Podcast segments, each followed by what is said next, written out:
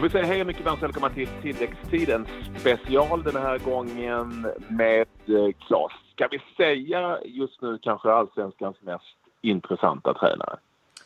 Absolut. Det har ju eh, varit igång lite karusell här med eh, en del tränarbyten ehm, som vi har hört de senaste dagarna. Men ett tränarbyte som skedde för ett tag sedan, det var IFK Göteborg som tog in Poya Asbaghi. Och vi har med honom här nu och eh, vi säger hjärtligt välkomna till eh, Poya till tilläggstid. Tack så jättemycket. Jag berättar först lite Poja om eh, varför du bestämde dig för att göra det här valet efter att ha tagit upp, till, tagit upp Dalkurd till, till allsvenskan och, och sen eh, hoppa på tåget till IFK Göteborg. Ja, det var ju Gävle var ju senast också, sista ja, halvåret på hösten. Och tanken var ju aldrig att man går in i ett uppdrag som i Gävle och bara ska vara där ett halvår. Utan det var verkligen så att jag såg ett par år framför mig eh, vara i Gävle. Och eh, även om vi skulle åka ut i division 1 så var tanken att liksom vara kvar och påbörja återtåget. Eh, nu gjorde vi en väldigt bra höst och ska jag vara helt ärlig så trodde jag väl inte på förhand att, att en sån klubb som IFK Göteborg eh, skulle ge mig möjligheten att liksom bli deras tränare inför nästa år. Men eh, jag tror de flesta förstår att när, när den chansen dyker upp så är det, det är alldeles för svårt att säga nej. Det är liksom... När jag växte upp på 90-talet, den absolut största klubben. Och man vet ju själv vilken potential det finns. Så att, det var inte mycket att fundera över, om man säger så. Hur reagerar du när, när eh, Gren och IFK Göteborg hörde av sig? Eh, ja, såklart positiv. Samtidigt så tänkte jag liksom hur, hur ska det här gå tillväga med Gävle? Som jag vet också liksom förlitar sig väldigt mycket på att jag skulle vara kvar och vi skulle liksom fortsätta bygga truppen inför nästa år och så vidare. Eh, men det är klart, första känslan var ju att man blev ganska stolt också. Det känns ju som att det var ett kvitto på att man har gjort ett, ett ganska bra arbete senaste tiden. Ja, och vi undrar förstås, vad gjorde du med Gävle. För när du kom dit så uh, var det liksom fritt fall. Johan Oremo drog iväg som ändå var säga, deras stora spelare, åtminstone offensivt. Vad gjorde du när du kom dit, uh, känner du, som gjorde att ni klarade kvar? Nej, men det där är intressant, det som du frågar, just, just också i samband med Oremo-försäljningen. För att när jag först kom dit så tittade man väldigt mycket på vad finns det för, för spelare att tillgå och hur kan man jobba med, med de här spelarna. Och Oremo är en väldigt duktig forward på sitt sätt. Han är ju framförallt sin styrka i, boxen och i omställningsspelet. Och vi spelade till en början ganska mycket därefter. Sen motvilligt ändå så blir han såld i och med de ekonomiska problemen som vi hade i Gävle. Det fanns inget val. Eh, och då var vi tvungna att sätta oss ner och fundera på hur vi ska liksom forma truppen efter honom. Eh, post Oremo blev ju ett annat typ av Gävle. Eh, där eh, vi kanske saknade hans tyngd i boxen emellanåt. Eh, men vi fick liksom spela, liksom anpassa laget på ett annat sätt. Kanske bli lite mer bollförande och så vidare. Eh, men sen var det ju, jag tror att det är en kombination av väldigt många saker. Det, det var ju ett lag också som saknade väldigt mycket självförtroende när jag kom. och som, det var liksom inte riktigt lika kul att gå till jobbet helt enkelt och vara den här fotbollsspelaren för Gävle IF. Och någonstans blir min uppgift att få upp suget igen. Du, nu när du tar an IFK Göteborg så, så vet du ju om att det har ju kanske inte varit en dans på rosor eh, den, den senaste tiden. Och, eh, hur ser du på det? Liksom, och, och, det? För det är klart att det är ett helt annat tryck än vad du har haft eh, erfarenhet ifrån både AFC United, Dalkurd och Gävle. Eh, nej, men det är klart att man förväntar sig att det ska bli ett enormt tryck. Att i Göteborg och kring en klubb som IFK Göteborg. Sen är det omöjligt för mig att säga om hur jag ska hantera det trycket, för jag har inte riktigt varit med om det. Men jag har ju varit med om att liksom ta mig an uppdrag som, som hela tiden innebär mer och mer press. Och det här är väl ett steg på vägen, även fast det här blir ett enormt kliv då. Eh, men vi får väl se helt enkelt. Men av min erfarenhet så har det gått bra hittills. Det här blir såklart ett, ett ännu större test. Dalkurd var ju en klubb som inte har... De har inte de antal fansen på plats i Borlänge och tittar på Dalkurd. Men det fanns ju ett enormt tryck utifrån. Liksom, det var ett landslag för alla kurder runt hela världen. Så man kunde ju känna ansvar på det sättet. Även om det i IFK Göteborg kommer uttryckas på ett helt annat sätt med massa människor på Ullevi och så vidare som jag inte har varit med om tidigare. Och ett tryck på stan i Göteborgs stad som inte jag har varit med om tidigare. Hur mycket har du tittat på det IFK Göteborg som fanns under säsongen 2017 egentligen innan du tog det här jobbet? Ja, men en del. Jag har ändå tittat på en hel del allsvenska matcher i år. Sen är det såklart att de sista veckorna har man väl tittat ännu mer och ännu djupare och framförallt tittat på vilka spelartyper som finns i truppen. Vad, vad, skulle du säga, vad skulle du säga är din eh, styrka som tränare om du, om du får recensera dig själv? Vilket jag vet kan vara svårt. Ja. det är den frågan man hatar mest av allt. Men, jag vet! ja, men eh, jag vet inte, jag, jag, Om vi säger så här. Jag tror att eh, kravet på fotbollsspelarna överlag blir ju högre och högre. Och de ska ju kunna nästan ha... De ska ju bli nästan mer och mer universala om man tittar på hur utvecklingen har gått. Jag menar, det räcker inte längre med att mittbackar ska kunna försvara bara och det räcker inte med att forwards bara ska göra mål. Utan forwards får gärna vara första försvarsspelare och mittbackar får gärna vara första anfallsspelare. Och jag tror någonstans också kravet på fotbollstränarna blir därefter. Och att det räcker inte för fotbollstränare att bara kunna vara väldigt, väldigt bra ledare eller bara vara väldigt bra taktiska eller vara den här tränaren som har det perfekta fysiologiska upplägget. Jag tror att en viktig del kommer vara att försöka vara så bra som möjligt nästan inom alla områden. Och nu menar inte jag att jag, nu är jag den som är bra på alla områden utan mer att jag kämpar för att bli bra på alla områden och att jag kanske därför inte har någon riktig spets och så. Patrik, jag bara, bara sticka emellan med en fråga här snabbt. Alltså, eh, Poja, ser du dig själv som en pragmatisk tränare eller en filosofisk tränare? Om du förstår vad jag menar. Pep eller, eh. Pep eller Mourinho? alltså, en ännu värre fråga Men, eh, men eh, vi säger så här. Jag, utan att kanske svara på vilken utav dem är. Jag funderar ju väldigt mycket kring fotboll och det har jag gjort redan innan jag blev fotbollstränare. Och på det sättet så kanske jag liksom har en lite mer liksom, filosofisk sida till fotboll. Men jag skulle absolut inte vilja kalla mig filosofisk. Nej. Men jag, jag kan väl fundera och sitta och grubbla över fotboll i timmar. Varje dag. är du gift?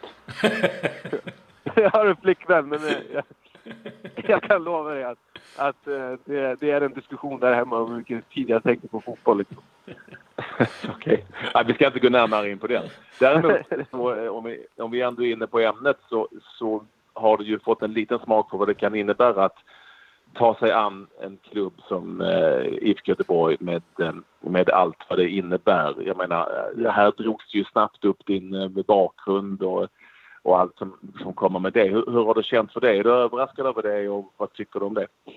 Nej, jag är inte överraskad. Men någonstans är det väl ändå logiskt att hela ens historia dras upp när man får ett sånt här jobb. Sen, sen eh, var jag kanske inte jag helt förberedd på att de frågorna skulle dyka upp just den dagen man blir presenterad som tränare för Göteborg. Jag tänkte där och då borde det väl ändå vara mest fokus på vem jag är i och med att jag inte var så välkänd för alla.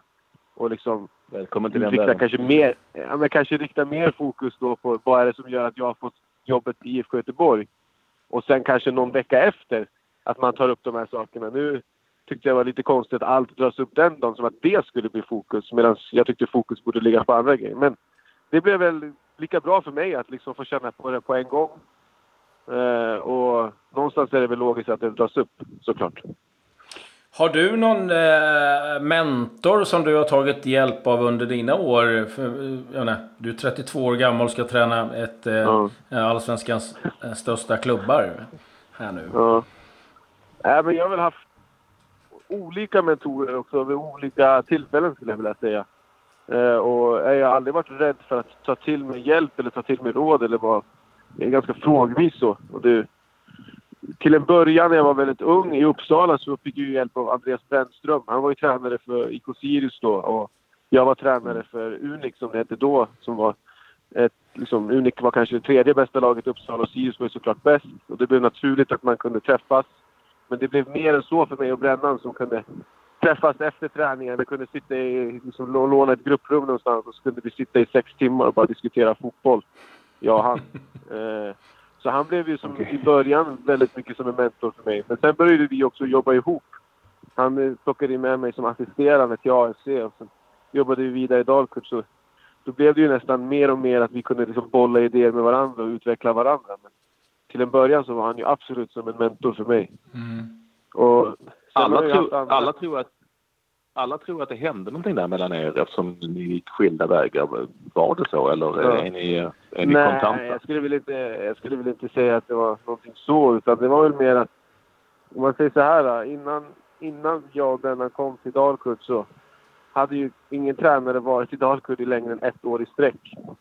Eh, och eh, ja, men, eh, till och med Brännan liksom var ju där och sen ett år i Hammarby och sen tillbaka. Han fick sin liksom ett års sabbatsår som man många gånger kan behöva faktiskt. För det är en väldigt intensiv klubb på gott och ont. Jag gillar verkligen Dalkurd på många sätt. Men man kan väl säga att efter tre och ett halvt år i sträck för mig så, så kanske det blev till och med lite för mycket för båda parter där och då. Och det mm. bästa var att liksom gå skilda vägar. Om jag. Inte så mycket liksom... Ett, ett, ja, ja, förlåt. Ja, nej. Vad, så, vad tror du som... Eh, ja, för Gävle Eh, dansade väl inte den dagen. Eh, först så blir de av med, med dig som tränare och sen så fick de en eh, eh Dalkurd också som granne och, och, ska dela arena och träningstid och allt med sig. Men, men vad, vad tror du om Dalkurd och deras chanser i Allsvenskan? Eh, men, alltså, de är ju ändå goda tycker jag. Det finns ju nykomlingar som kommer upp med betydligt sämre förutsättningar än vad Dalkurd gör. Eh, för Dalkurds del så blir det viktiga att hantera de här första åren. Eh, det vill säga första året med flytt, eh, boende för spelarna, liksom logistiken, att det ska funka bra med träningarna. Det är ett ganska stort jobb framför dem. Och dessutom spela matcher på en annan ort det är mm. liksom, vi pratar ändå om elitfotbollsspelare som ska få ägna varenda sekund av dygnet till att försöka göra så bra prestationer som möjligt på träning och på match. Eh, vi inom elitfotbollen ställer så enorma krav på spelarna att de ska sköta allt och eh, liksom sömn, kost, allt ska vara bra. Och då är det också viktigt att vi klubbar ger dem de förutsättningarna. Och nu första året och andra året i Dalkurd i med flytten så kan det ju bli svårt. Jag säger inte att det inte går, men det blir ju en viss problematik att kunna ge de här spelarna de förutsättningarna. Men klarar man av det och samtidigt gör resultat, tillräckligt bra resultat, så på längre sikt så finns det en enorm potential i Dalkurd. Det finns ett enormt intresse utifrån och det intresset gör ju också att det finns alltid folk som kommer vilja stödja laget ekonomiskt, vilket mm. man också såklart har sett de senaste åren. Eh, och där finns det en enorm slagkraft, absolut. Jag sa här tidigare att du är allsvenskans eh, mest intressanta tränare och jag, jag grundar det lite på, om vi nu talar nästa säsong då, men jag grundar det lite på att uh, du är ju en fotbollstränare i ett allsvenskt lag som är för det första säkert är yngst men också från en annan bakgrund som jag pratat lite om som kanske inte är vanligt på tränarsidan. Mm. Kommer du med en revolution här Poja? Är Graham Potter eller vad blir det? men... Eh, och du tyckte mina frågor var svåra? ja, eller hur? Nej, men eh, jag köper frågan. Jag förstår exakt hur, hur du menar. Och det är väl mer så här att revolution vet jag inte, men jag tror och hoppas att om jag gör ett bra arbete så öppnar det dörren för fler med samma typ av bakgrund som mig. Och det här med bakgrund måste inte betyda just invandrarbakgrund. Utan jag menar bakgrund utanför elitfotbollen. Eh, den här bakvägen som man ändå har tagit. Eh, man ska komma ihåg att det var ganska tufft ändå till en början att kunna bli en fotbollstränare för mig. Man, eh, det handlar ju ändå om att man ska kunna komma, gå runt ekonomiskt också. Och när du börjar träna mm. som jag gör liksom med ungdomslag, juniorlag och seniorlag på lägre nivå, då måste du göra det ideellt. Eh, du, kan inte, du får ingen ekonomisk kompensation för det utan det handlar bara om, om att du ska vilja det här. Och mm den, de timmarna som jag ändå var tvungen att lägga ner för att kunna utvecklas i den takten jag gjorde, det gör ju också att jag får svårt att gå runt ekonomiskt. Jag var ju tvungen att jobba eh, vid sidan om och ha olika jobb till och med för att få allt att gå runt. Och det ställer ju enorma krav på en 24-25-åring. Att kunna liksom få ha den här energin att komma till varje träning och lägga den energin. Att fundera kring fotboll som jag nämnde innan och hela tiden utveckla sitt tankesätt och samtidigt parallellt med det liksom jobba för att få det att gå ihop. Det, det är en extremt krävande vardag för unga tränare.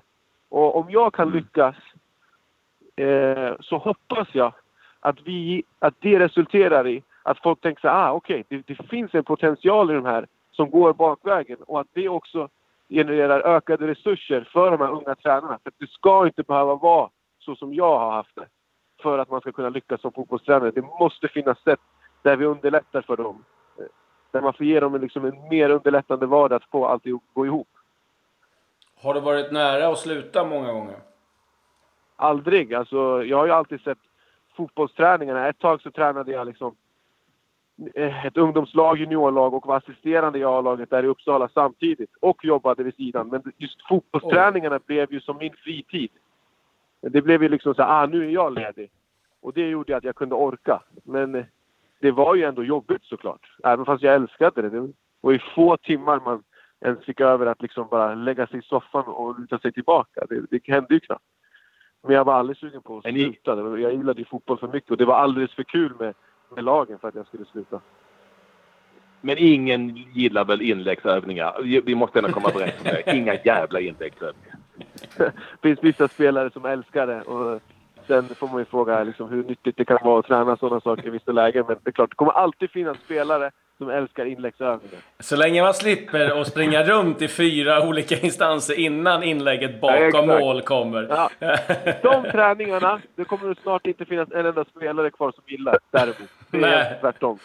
med. In men... med bolljäveln för fan! Det är jag ja, Men det handlar ju om att träna fotboll. Alltså, jag menar, gå ut och springa i skogen, det, den träningen kan gälla vem som helst egentligen som vill bara träna kondition. Det gäller att vara fotbollsspecifik såklart.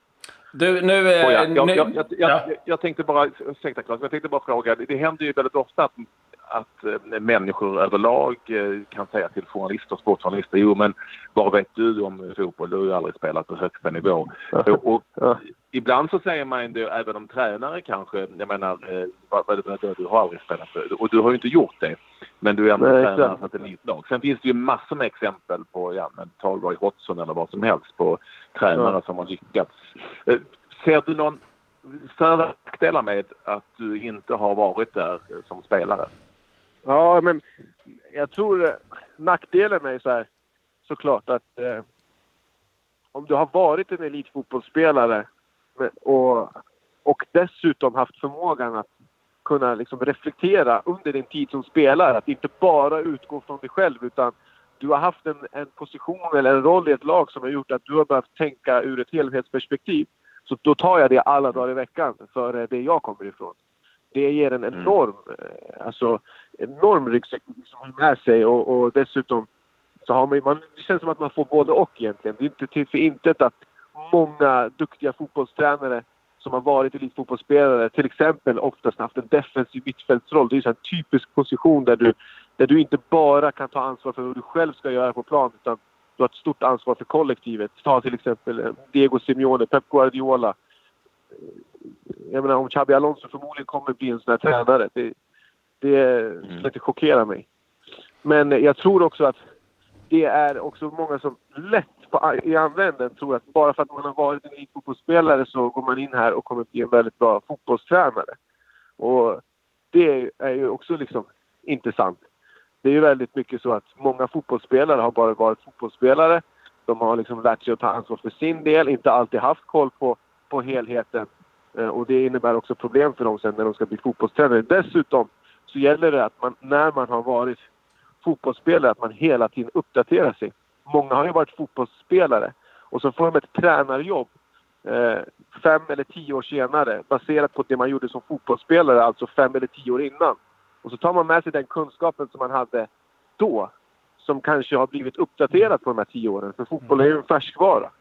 Så det finns ju också, om man inte är den här fotbollsspelaren som är genuint intresserad av fotboll och läser på om fotboll, studerar fotboll och försöker analysera fotboll.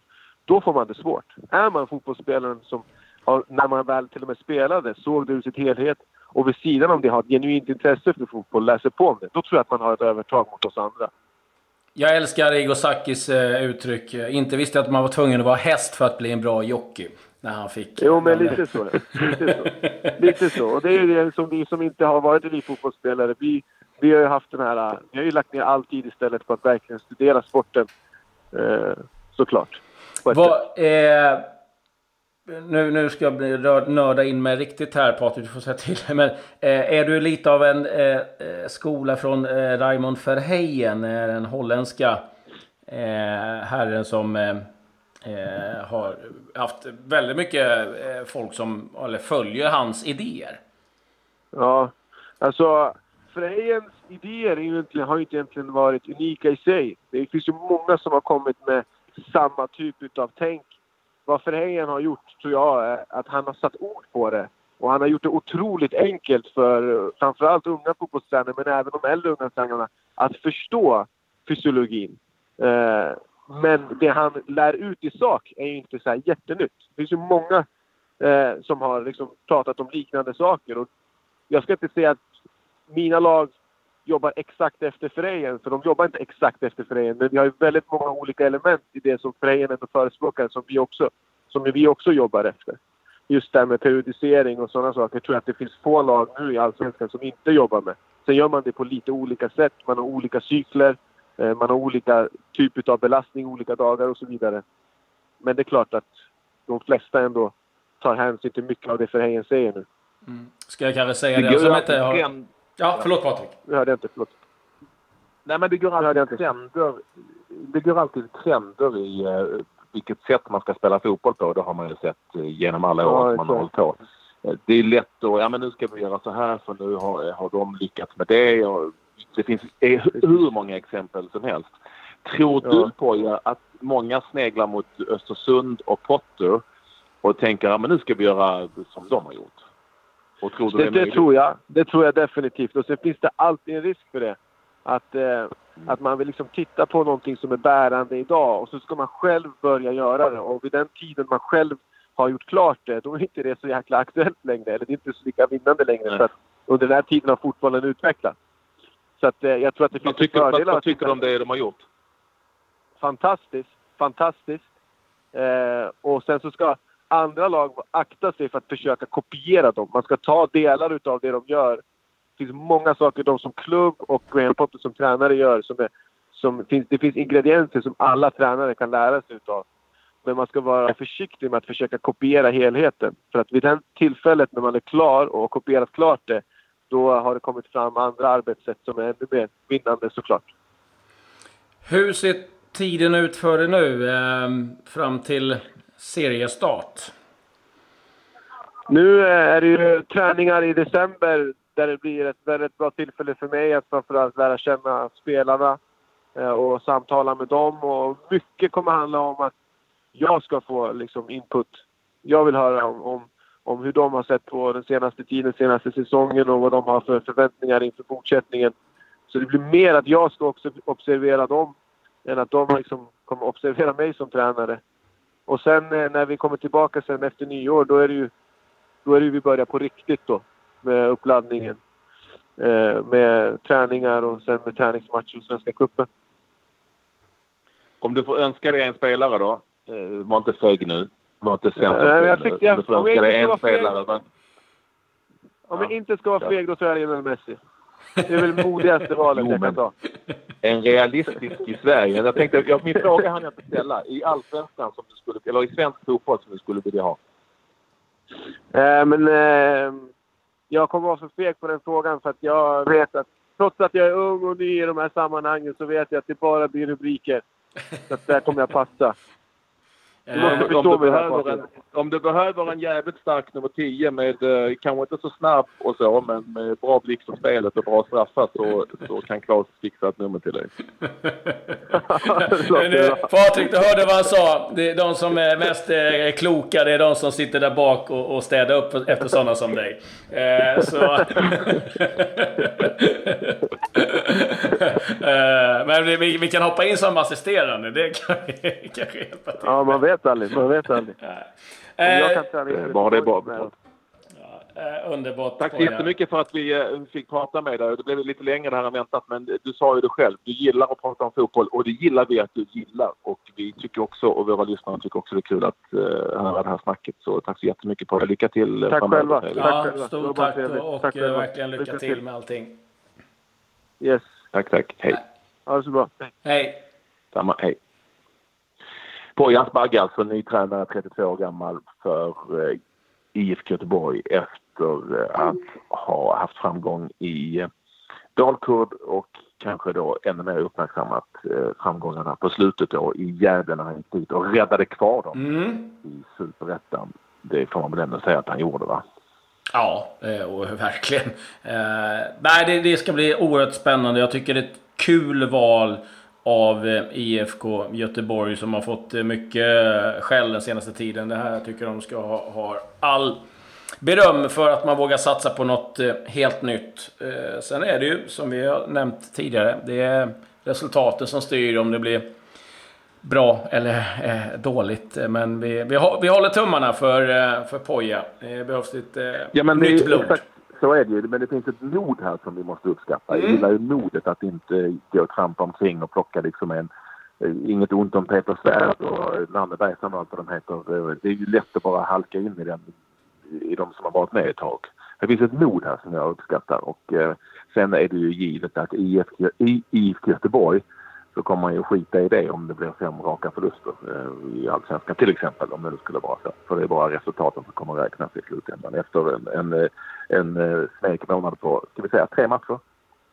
Ja, så kommer det vara. Det, och jag, jag, jag så nog kan säga att eh, lite av den smekmånaden kommer ju avgöras på hur det går i Svenska Kuppen också. Så är det ju. Eh, I och med att den spelas nu på, på vintern. Men det, eh, vi hoppas verkligen att han, han får tid. Han har ju skrivit ett treårskontrakt med IFK Göteborg. Och eh, ska bli oerhört intressant att följa. Kul att ni vill lyssna på denna tilläggstidsspecial. Missa inte våra program, våra dagliga program. Det är 15 minuter aktuell fotboll varje dag. Eh, och ha det bra. Ha. Adjö. Adjö.